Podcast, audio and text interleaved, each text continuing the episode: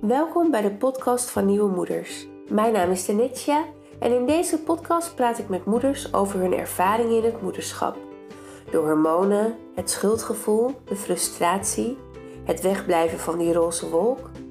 In de Nieuwe Moeders podcast vind ik het belangrijk dat we het eerlijke, rauwe verhaal vertellen over het moederschap. Want het is niet alleen unicorns en butterflies. In deze podcast wordt gelachen, worden ontroerende verhalen gedeeld en het meest belangrijke, het is een eerlijk verhaal.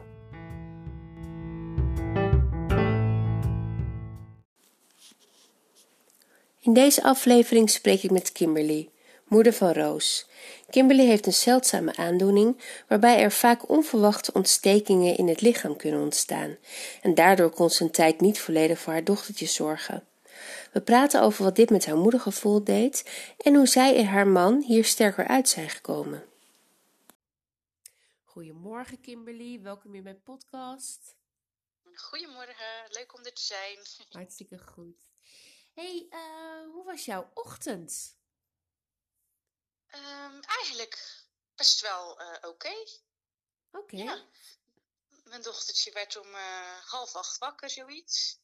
En tegenwoordig heeft ze een beetje de leeftijd dat je ze gewoon even in de kamertje kan laten spelen. Dus ik kon er nog lekker even blijven liggen.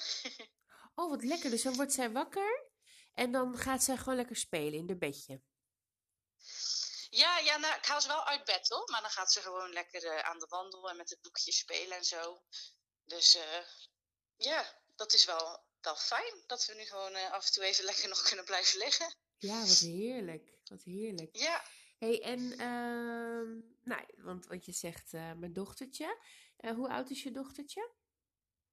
Die is anderhalf. Anderhalf jaar, ja. Ja, ja. ja. dat is ook wel zo'n leuke leeftijd, hè? Dat ze dan een beetje dat, dat spelen gaan doen inderdaad. En wat meer gaan snappen. Ja, en ook wat uh, ondeugender gaan worden. Ja. ja, dat is ja. ook wel te merken. ja, leuk. Hey, kun je iets ja. over jezelf uh, vertellen voor de luisteraars? Ja, natuurlijk. Nou, ik ben uh, Kimberly. Ik woon in een klein dorpje in Zeeland. Samen met mijn man en mijn dochtertje van anderhalf dan, Roos. Mm -hmm. En ik werk als zorgkundig coach bij uh, ja, mensen met een uh, verstandelijke beperking. Mm -hmm. En dat doe ik nu twee, uh, tweeënhalf dagen in de week eigenlijk, want ik ben aan het opbouwen qua uren. Ja. En uh, ja, ik heb dan nog een Instagram-account, Mama Brein. Ja. Daar schrijf ik ja, mijn ervaringen over het moeder zijn. En daar probeer ik ja, stukjes te schrijven die ook wellicht herkenning bij anderen kunnen geven. En niet alleen de mooie kanten, maar ook de, ja, de uitdagingen eigenlijk die het met zich meebrengt. Ja. Ja, inderdaad. Ja, en daar kennen wij elkaar ook van, hè? Ja, van ja. Mama Brein, want ik zag jouw account voorbij komen. En um, nou ja, hè, ik, ik heb natuurlijk ook een account waarin ik uh, moeders probeer te bemoedigen en een stuk uh, herkenning probeer te geven. En ik zag dat jij dat inderdaad met jouw account ook doet. En ook heel erg vanuit je eigen verhaal, hè? En, ja, um, ja, ja, en toen dacht ik van nou, vind ik wel heel leuk om jou daar, uh, daar ook over te spreken. En um, uh, dus zodoende zitten wij lekker met elkaar aan de telefoon. Ja, leuk dat dat zo daaruit voort kan komen. Ja, hè? Ja, vind ik ook. Ja. Hartstikke goed. Want ik vind ook hoe meer um, wij vrouwen elkaar kunnen bemoedigen en erkenning kunnen geven, hoe beter. Ja, ja, het wordt nog best wel weinig gedaan. Je ziet het wel steeds meer, maar mm -hmm. het mag wel wat. Ja, het mag meer. Ja, hè? Ja dan, ja. dan, kunnen we gewoon een mooie community met elkaar vormen. En ja, uh, ja hartstikke leuk. hey, want um, uh, nou, we hadden het net al over, over hè, dat ik zei van hè, je spreekt ook erg vanuit jouw ervaring. kun je daar iets over vertellen? Hoe dat, ja, hoe dat bij jou gegaan is? Want je hebt ook niet een hele makkelijke start gehad, hè? Nee, nee, ja. Um, eigenlijk was mijn zwangerschap al ietsje anders dan bij anderen. Um, in het verleden heb ik uh, een longembolie gehad. Dus zodra ik zwanger werd, uh, moest ik uh, prikjes in mijn buik gaan zetten met bloedverdunners iedere dag. Nu wende ik daar op zich wel aan, maar het was toch net een beetje anders dan bij anderen.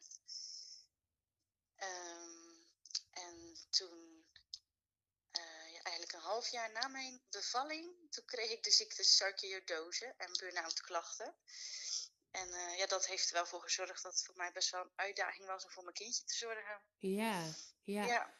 Ja, En ehm, hoe manifesteerde dat zich?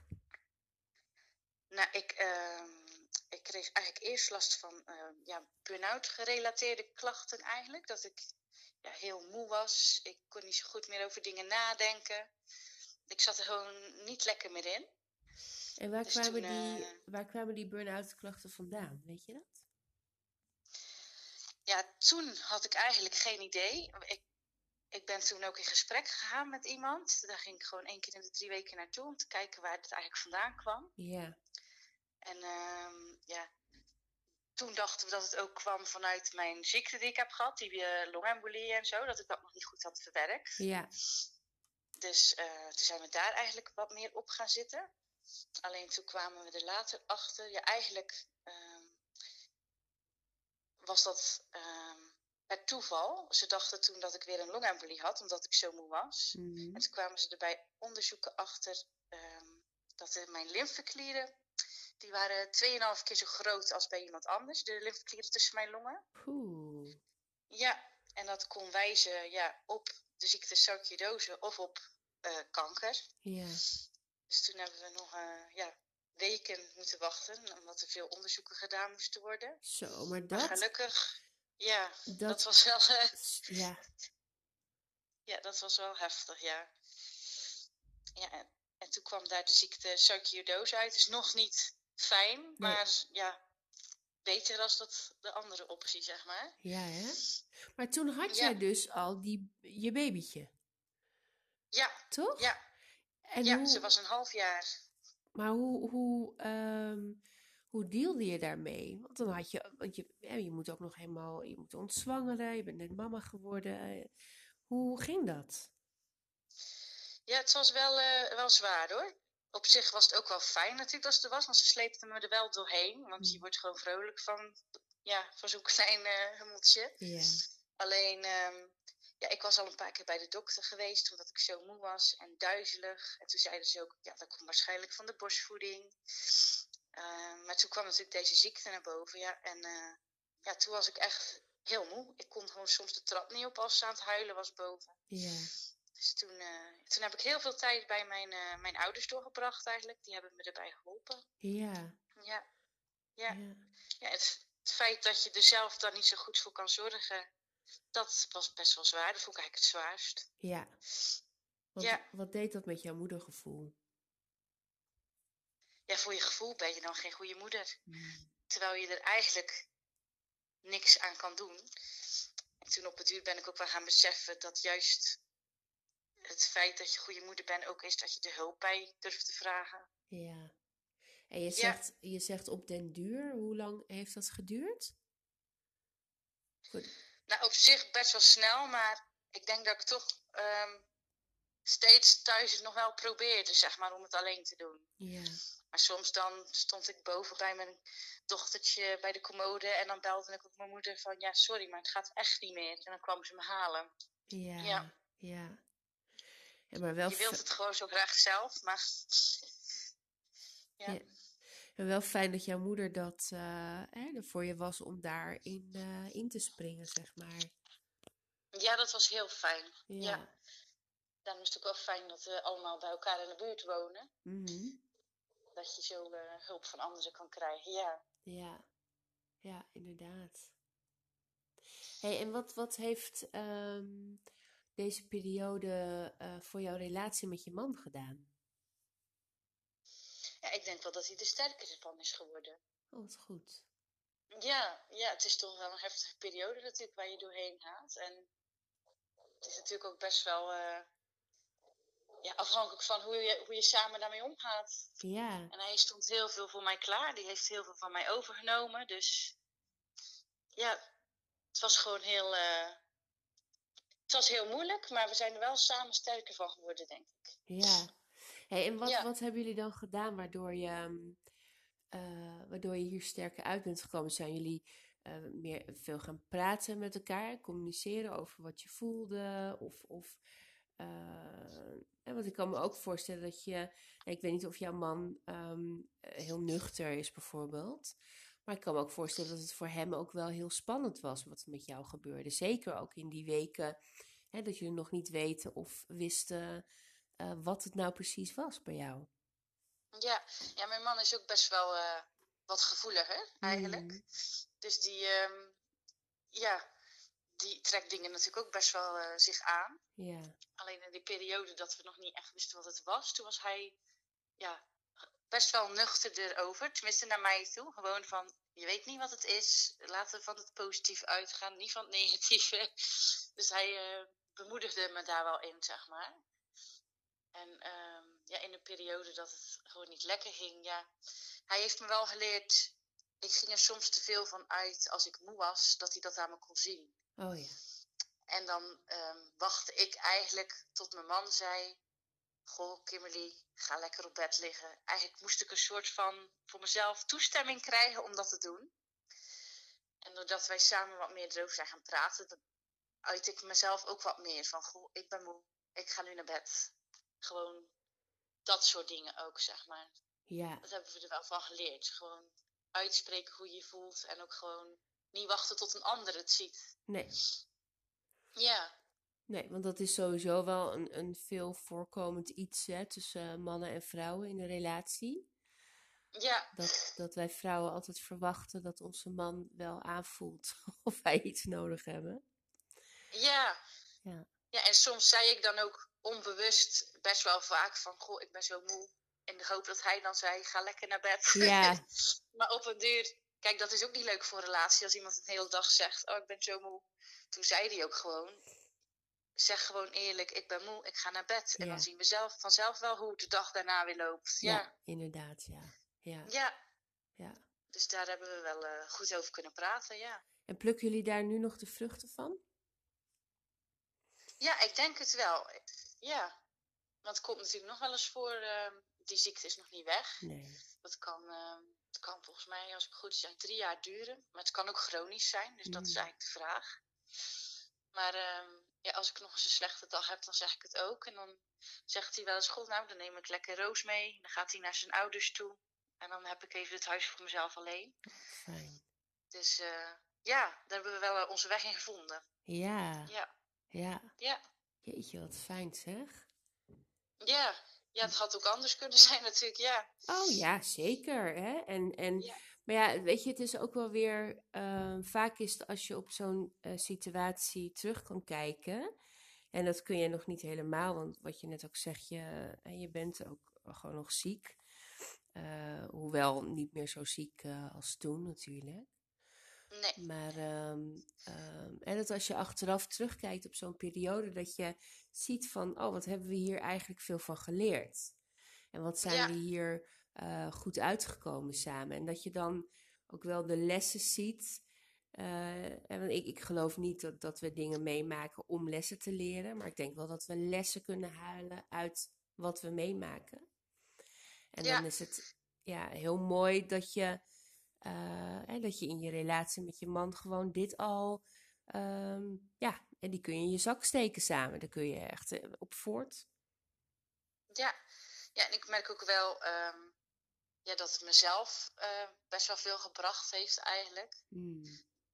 Dat ik um, ja, wat minder rekening hou met de mening van anderen. Dat ik wat meer mezelf weer durf te zijn of zo. ja. Want hoe... Ja, dat je gewoon ja, maak je simmer af, sorry. nee, nee, vraag maar. niks. ja, want hoe ging, dat, uh, hoe ging dat voor je, voordat je ziek werd dan? Nou, eigenlijk had ik altijd wel het idee dat ik al een beetje gewoon uh, niet zoveel rekening hield hoor, met de mening van anderen. Maar toch, onbewust deed ik dat wel. Ja, ik woon toch in een klein dorpje, hè? Ja. Er wordt veel gepraat. Ja. Onbewust uh, denk, sta je daar wel bij stil als je iets wil gaan doen. Ja. Zoals bijvoorbeeld uh, dat mama-brein. Oh, ja. Dat idee had ik eigenlijk al best wel een tijdje. Alleen ik durfde het niet. Ik was bang uh, voor wat de mensen erover zouden zeggen, wat ik schreef. Ja. En ook, ook dat je überhaupt eh, een, een Instagram-platform ging starten? Ja, gewoon, eh, ja, inderdaad eigenlijk. Dat vond ik best wel spannend. Ja. Dus toen heb ik het eerst, ik ben in september ermee begonnen. Dus eigenlijk, eh, ja, toen net voor mijn dochtertje een jaar was, ben ik ermee begonnen dan. En toen heb ik het eerst ook nog wel eventjes anoniem gedaan hoor. Omdat ik het gewoon, uh, ja, spannend vond. Ja, hè? Ja. Maar sinds januari uh, heb ik mijn naam erbij gezet. Ja. En, en merk je dan ook, uh, nu je je naam erbij hebt gezet, dat je ook wat meer respons krijgt van de mensen? Omdat ze echt zien wie er achter dat account zit? Ja, en ik heb ook Um, ja, ik vond het heel spannend toen ik, ik zat hier op de bank en ik dacht, nou ga ik het erop zetten, ga ik het niet doen. Toen heb ik het toch gedaan. En ja, de positieve reacties die ik kreeg, ja, het stroomde gewoon binnen. Dat ik dacht, ja, waarom heb ik hier zo lang mee gewacht? Ja. het was echt heel leuk, ja. Ja, kijk, en de negatieve reacties zou je misschien ook niet altijd uh, horen, maar dat maakt ook niet uit. Nee. Nee, het, was, het bracht me best wel veel, uh, ja, energie eigenlijk. Ja, wat was, goed. Uh, hey, en leuk, en ook, ja. ook van mensen uit het dorp? Want weten zij ook dat jij dit account nu hebt en volgen ze je ook? Ja, ja. Mijn vriendinnen wisten het niet eens. Oh, nee? nee, dus ja, dat deed ik eigenlijk altijd ja, echt heel anoniem. Bijna Ja. niemand wist het. Nee. En uh, daar kreeg ik echt reacties van, van, goh, wat leuk. En ik kan gewoon niet voorstellen dat jij dit bent. En dat je dat voor je kon, kon houden. Ja, gewoon hele, hele leuke reacties, ja. Ja, wat En goed, de ja. volgers liepen ook heel erg op toen ik dat had gedaan, ja. Ja, zie, zo zie je maar. Hè? Maar ik herken het wel heel erg hoor. Dat je. eh, ik vind het ook het meest spannend als ik zie. Want bij je stories bijvoorbeeld kun je zien eh, wie jouw eh, stories hebben bekeken. En eh, Ja. nou, qua likes kun je natuurlijk ook zien wie je geliked hebben. En in het begin waren dat bij mij ook vooral de mensen die mij kenden. hè, vriendinnen, kennissen, ehm, mensen uit de stad. En dat vond ik super spannend. Dat vind ik spannender Ja. dan dat iemand uit Lutjebroek jou ehm, ehm, de dingen ziet die je doet. Toch gek eigenlijk, Ja. hè? Ja, ik vond vooral, ehm, laatst had ik iets gepost. Ja, ik weet niet meer uit mijn hoofd natuurlijk wat ik had geschreven.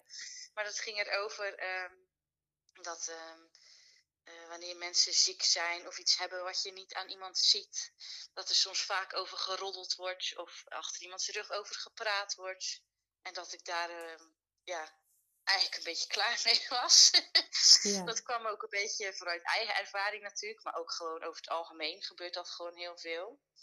En toen had ik daar iets over geschreven en dat vond ik wel heel spannend hoor. Ja, dat ik dacht van ja, Ja, ja. Maar toch, ja, hoe meer je er eigenlijk op gaat zetten, hoe minder spannend het wordt. ja, Heb ik eh, het gevoel, ja. ja. Want hoe is er gereageerd op die post dan? Ja, best wel positief eigenlijk ook, dat mensen het herkenden eigenlijk. Ja. Ja, Dus niet dat je vriendinnen of, of, dor- of dorpsgenoten naar je toe kregen van nou, eh wij roddelen helemaal niet. Nou, niet eh, naar mij in ieder geval. Nee, nee, Misschien nee. dat de mensen over praten hebben, ja, dat zou kunnen. Dat ze erover geroddeld hebben.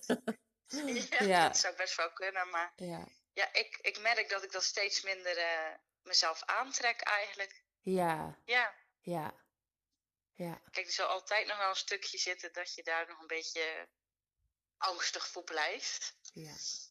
Het zal niet helemaal weggaan, maar ja, ik ben toch wat meer, eh, ja, ik durf wat opener te zijn nu daarin.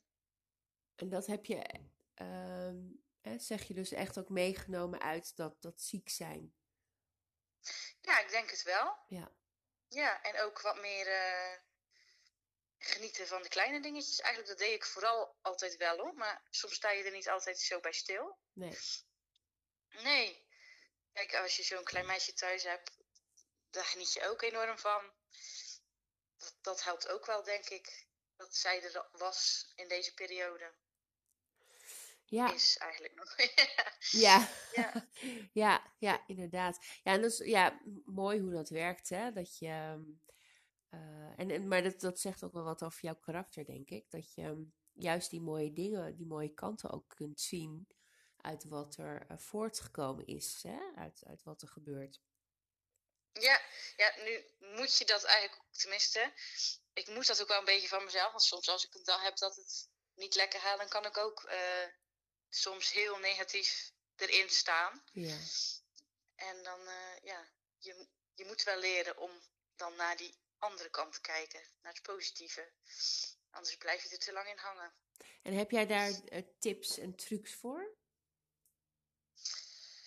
Ja, ik zelf heb nog steeds uh, één keer in de drie weken gesprekken dan met die coach. Ja. Ja, nu is het ongeveer één keer in de maand, denk ik. Het is bijna klaar. Maar zij heeft me wel uh, erbij geholpen eigenlijk. En wat ik eigenlijk wilde gaan doen, uh, is zo'n boekje kopen. Dat je iedere ochtend opschrijft van, goh, wat zijn de leuke dingen die ik ga doen vandaag? Waar ben ik dankbaar voor? En dat je dat s'avonds dan ook weer doet eigenlijk. Ja. Er op die manier wat meer stil bij te staan. Nu doe ik dat ook nog niet altijd hoor, maar dat zou ik wel wat meer uh, willen doen. Want je zei, ik wilde zo'n boekje kopen of heb je hem al gekocht? Ik heb hem nog niet, nee. nee. Maar ik ben wel mezelf al wat meer ervan bewust als ik naar bed ga, dat ik er in ieder geval over nadenk. Ja, hè? Ja. Ja, maar ik wil het wel echt misschien op gaan schrijven. Ja, dat wanneer helpt je dan eens in een, uh, ja, wanneer je dan eens in een dipje zit, kan je het eens teruglezen of zo. Ja, inderdaad. Ja. Hey, en wat heeft die Ja. coach uh, uh, voor jou kunnen doen? Wat, wat, wat, wat zijn de dingen die je met die coach uh, gedaan hebt? Welke tips heb je van hem of haar gekregen? Was het een hem of een haar? Een haar, Een ja. haar. Welke tips heb je ja. van haar gekregen? Of welke tools? Ja, vooral ook wel dit. Hè? eh, Dat opschrijven en daar wat meer bij stilstaan. Um, ja, we hebben samen dingen opgeschreven, zeg maar. Van, goh, stel ik heb een negatieve gedachte van... Uh, uh, ja, komt het nog wel goed? Hè? Omdat ik nog, die ziekte nog heb. Ja. Dat je dan echt gaat nadenken over... hoe ver je eigenlijk al bent gekomen ten opzichte van hoe het was. Ja. En dat je eigenlijk al heel erg, dat ik eigenlijk al heel erg gegroeid ben en al veel beter ben geworden, dat je daarop focust. Ja. En niet op dat stukje um, wat je nog ziek bent, zeg maar. Ja, ja. Ja. ja dat, zijn, dat is wel het belangrijkste, denk ik. Ja. Ja, en dan haal je hem heel erg uit het hier en nu, hè? Want ja. ik, ik, kan me voorstellen dat als je um, in zo'n situatie zit, uh, en kan ik me heel goed voorstellen, want ik ben zelf ook heel ziek geweest. Dat je dan, uh, uh, dat dat je focus is. Want je, je bent ook aan het, aan het overleven.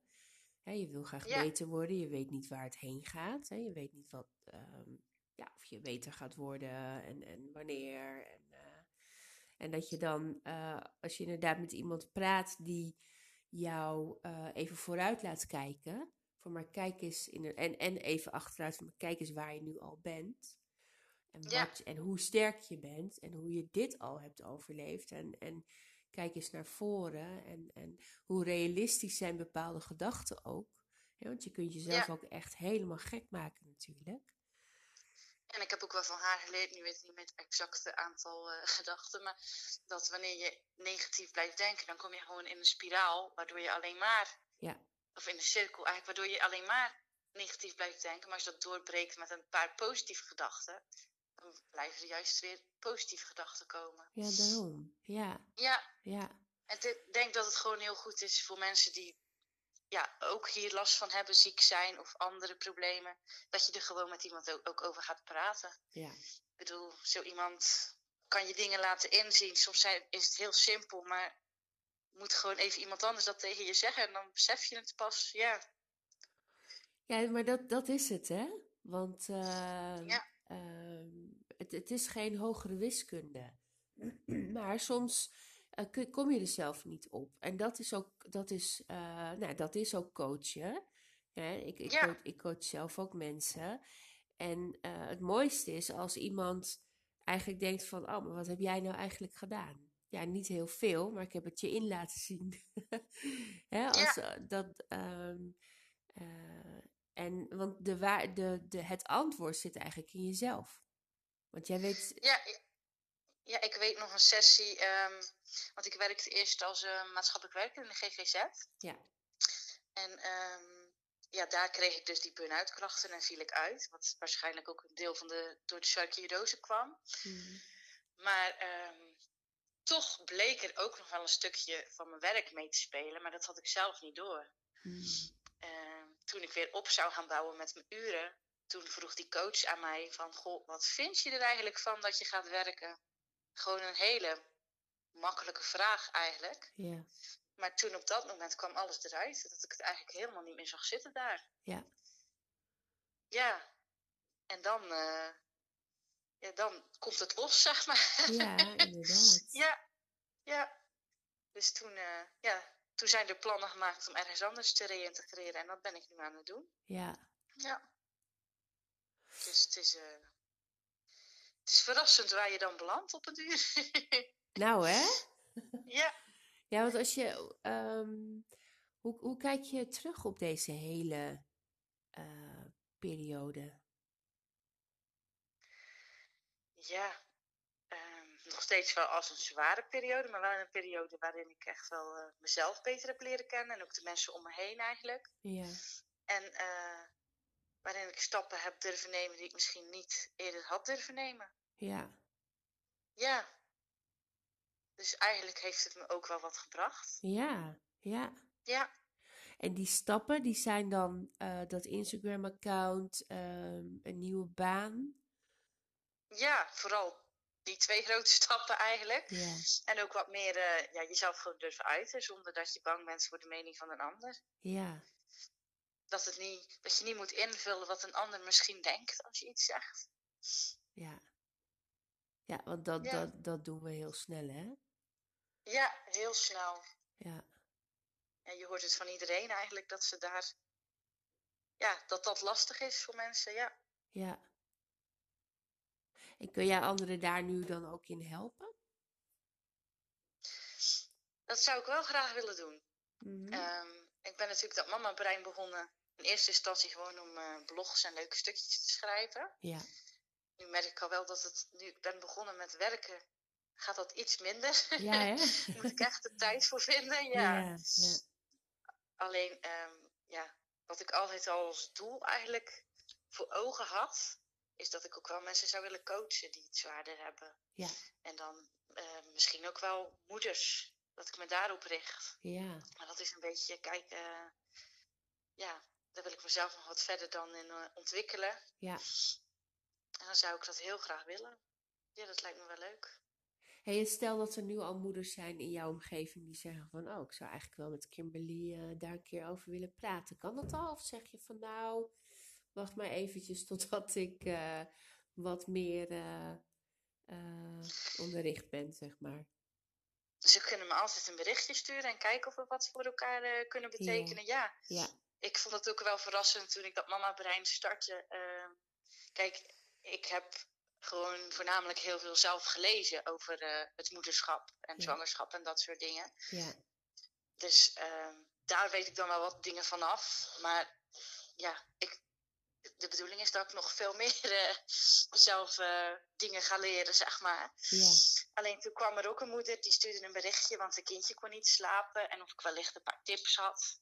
Dus toen had ik gewoon dingen benoemd eh, die ik zelf had gelezen, die bij ons kindje heeft, hebben geholpen. ja, En eh, ja, toen kreeg ik de volgende dag een berichtje dat, dat het ineens veel beter ging.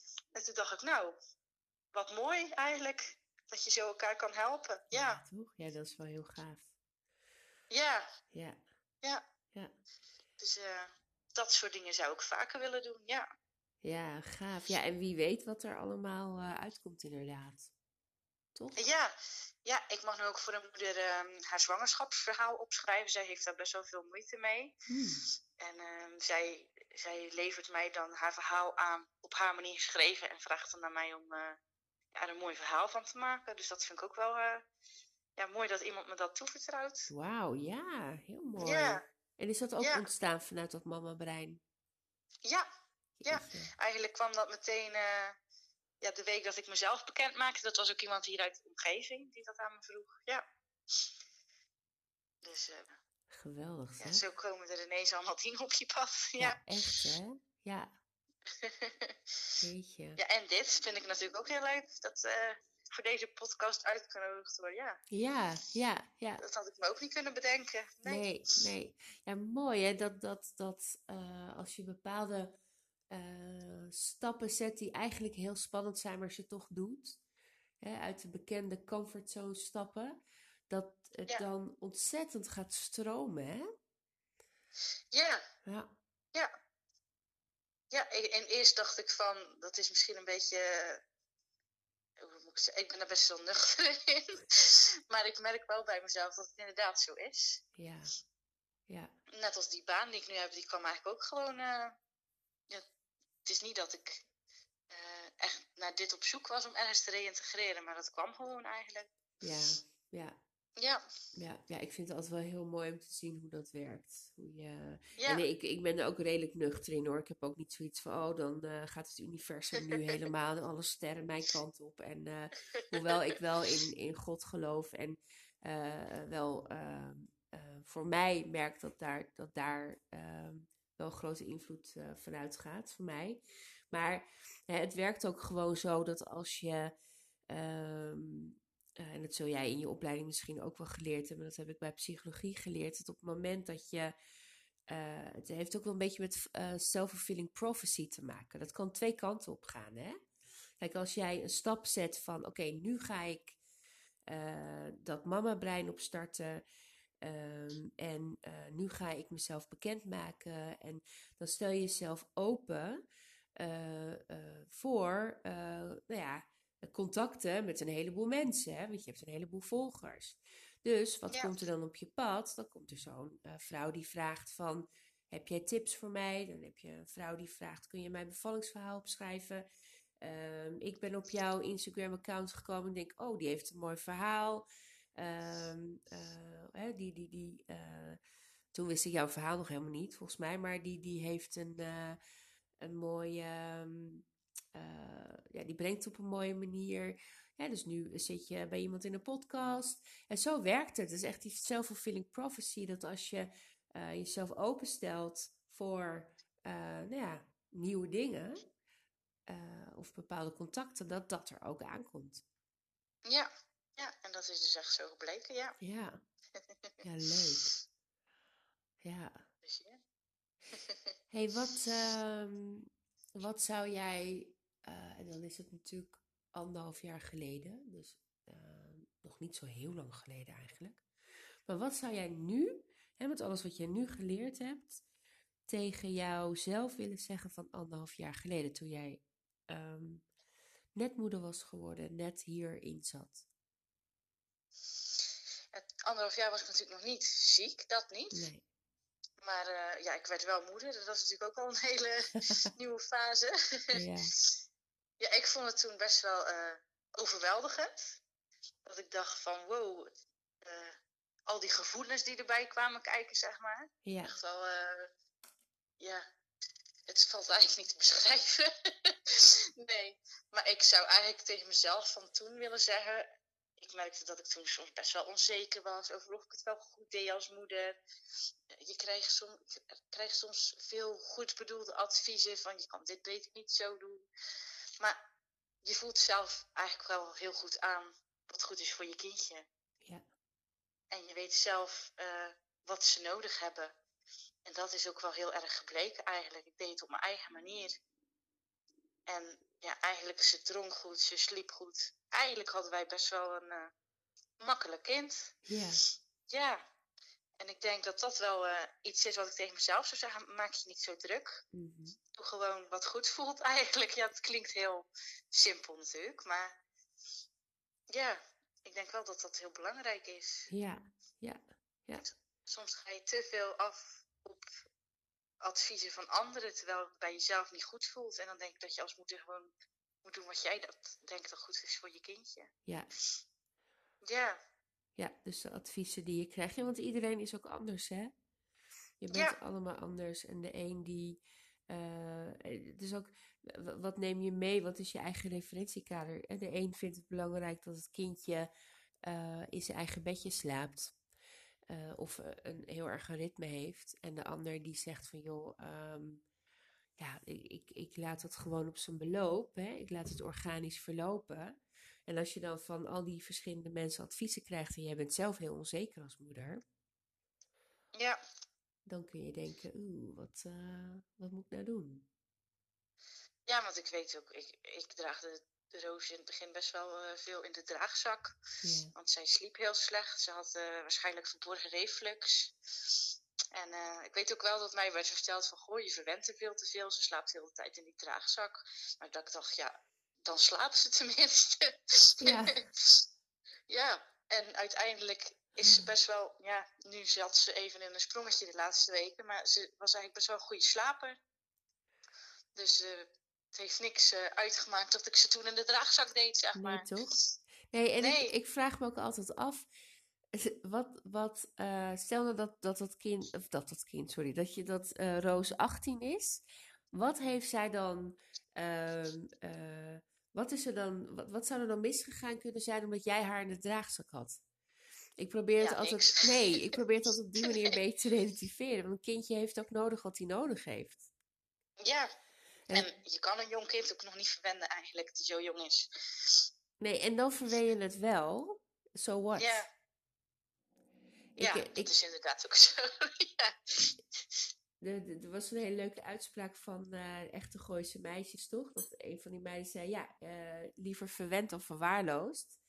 Ik heb die Ja. quote helemaal overgenomen. Want ik denk echt, weet je, je kunt be- echt, daar, daar ben ik van overtuigd. En als mensen anders denken, dan mogen ze dat tegenspreken.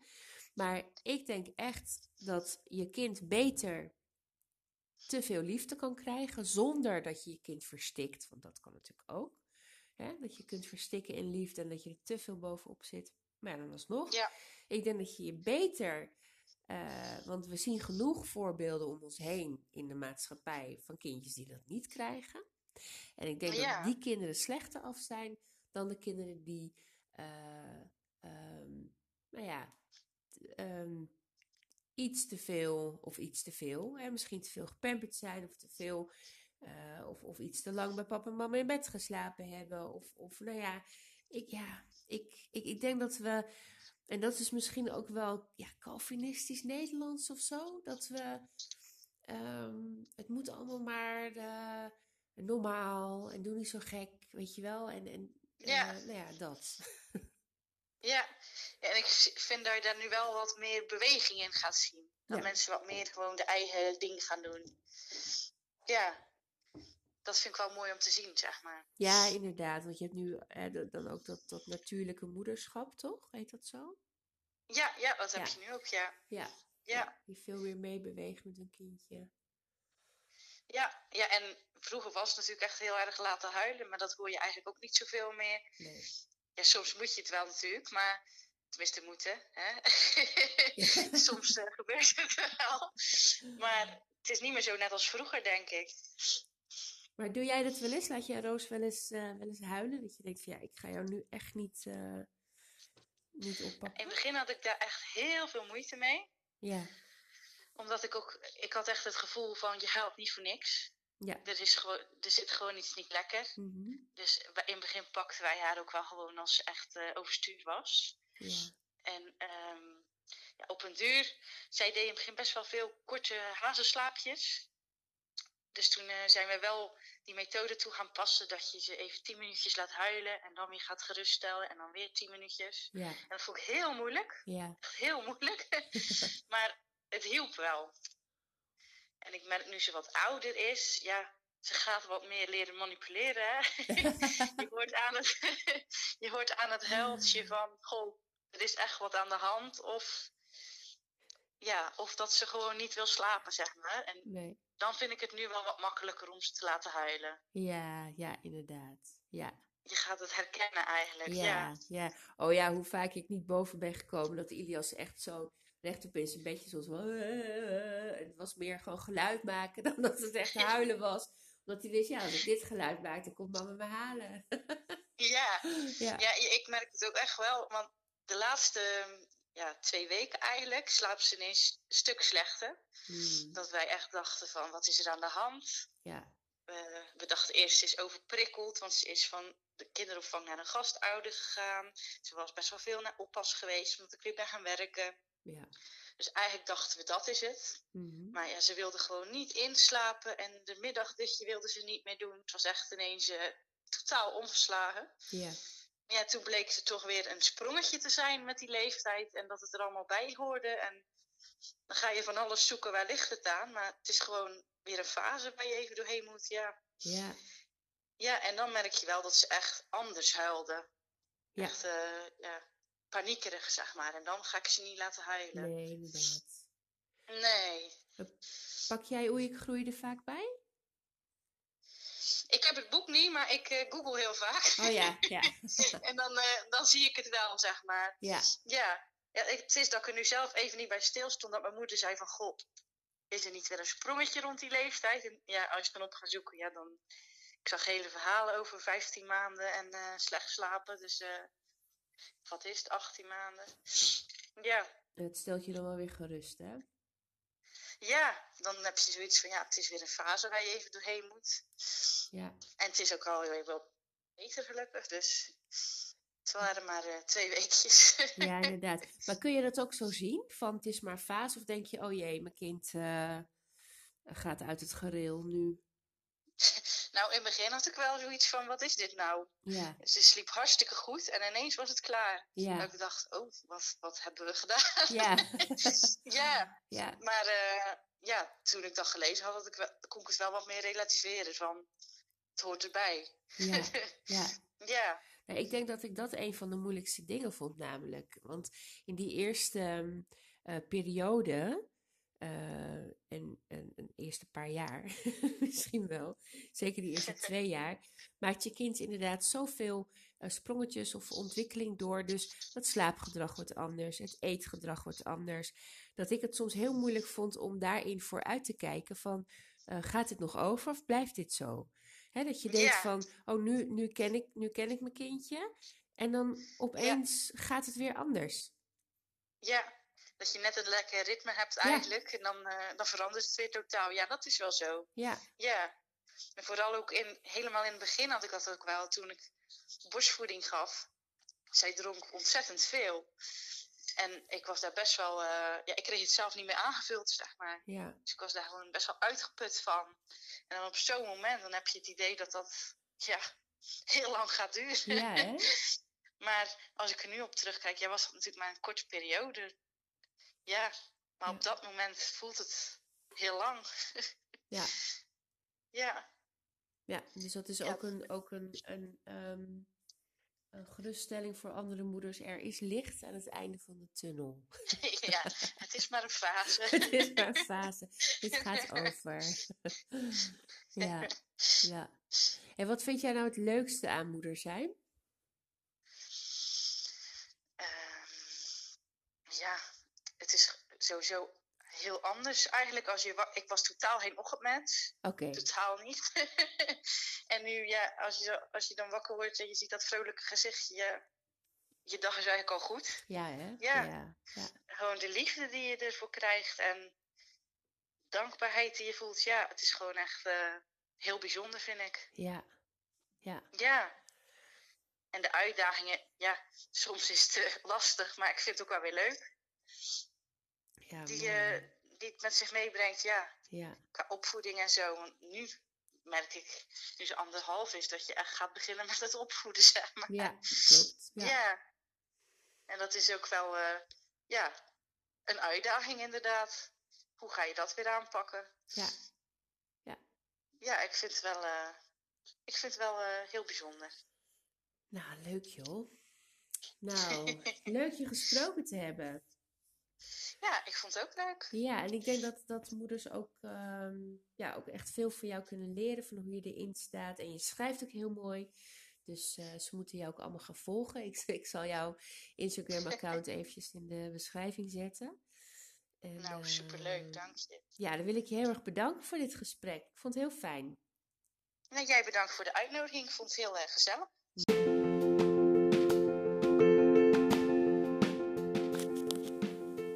Bedankt voor het luisteren naar deze podcast. Heb je nou een vraag of wil je doorpraten over hetgene wat je net gehoord hebt? Stuur me een berichtje naar info.danitjacoaching.nl En als je zelf ook eens in de podcast wil met je verhaal, stuur naar hetzelfde e-mailadres een berichtje. Nou, bedankt nogmaals en graag tot de volgende keer.